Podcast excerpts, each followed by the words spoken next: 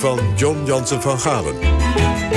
Wat hebben we veel herdacht deze week? Televisie, de Dam, boeken, kranten vol. Het lijkt jaarlijks meer te worden.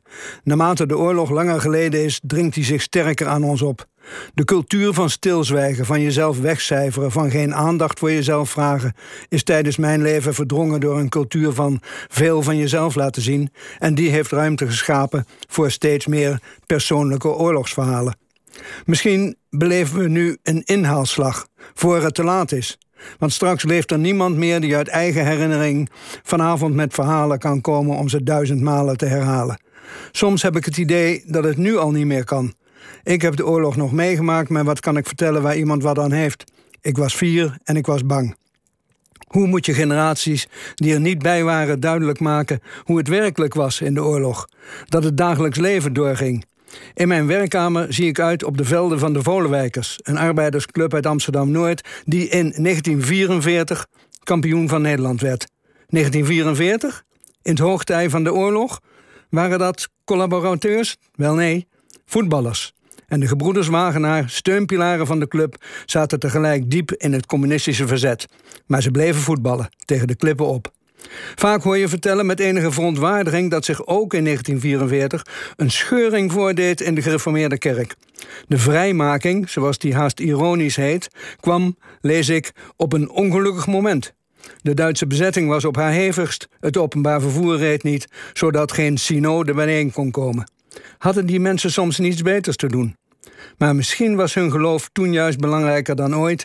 En de voornaamste scheurmaker, dominee Klaas Schilder, kon niet komen vergaderen omdat hij als verzetsman ondergedoken zat.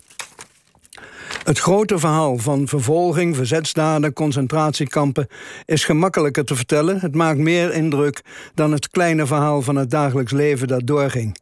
Mijn vader was geen heldhaftig man. Hij had geen geregeld werk, werd verzekeringsagent en ging de huizen langs om premies te innen en schade op te nemen.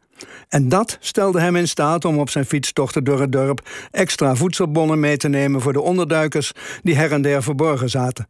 Het dagelijks leven verknoopt met illegaliteit.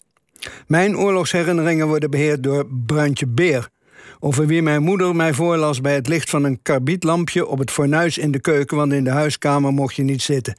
Veel te gevaarlijk.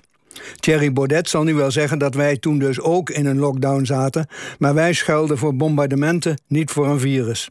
Bruintje Beer leefde in een donker, angstaanjagend bos en wij ook. Mijn vader kon wegens die distributiebonnen elk moment door de Gestapo gearresteerd worden.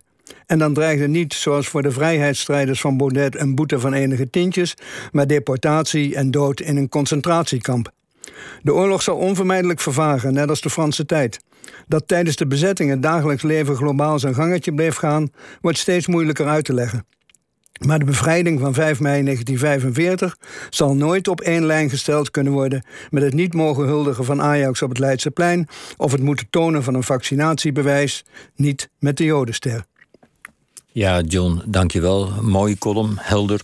Iets heel anders even, John. Heb jij al de petitie getekend voor het behoud van andere tijden? Nee, ga je dat, nog, doen. Ga je nog doen? Ja, heb je ook nog een krachtige oproep aan onze luisteraars? Ja, ik, eh, nou ja, wij, wij kunnen het nooit missen. Ik zie het al uh, jaren en ik, ik, neem het voor de zekerheid ook op.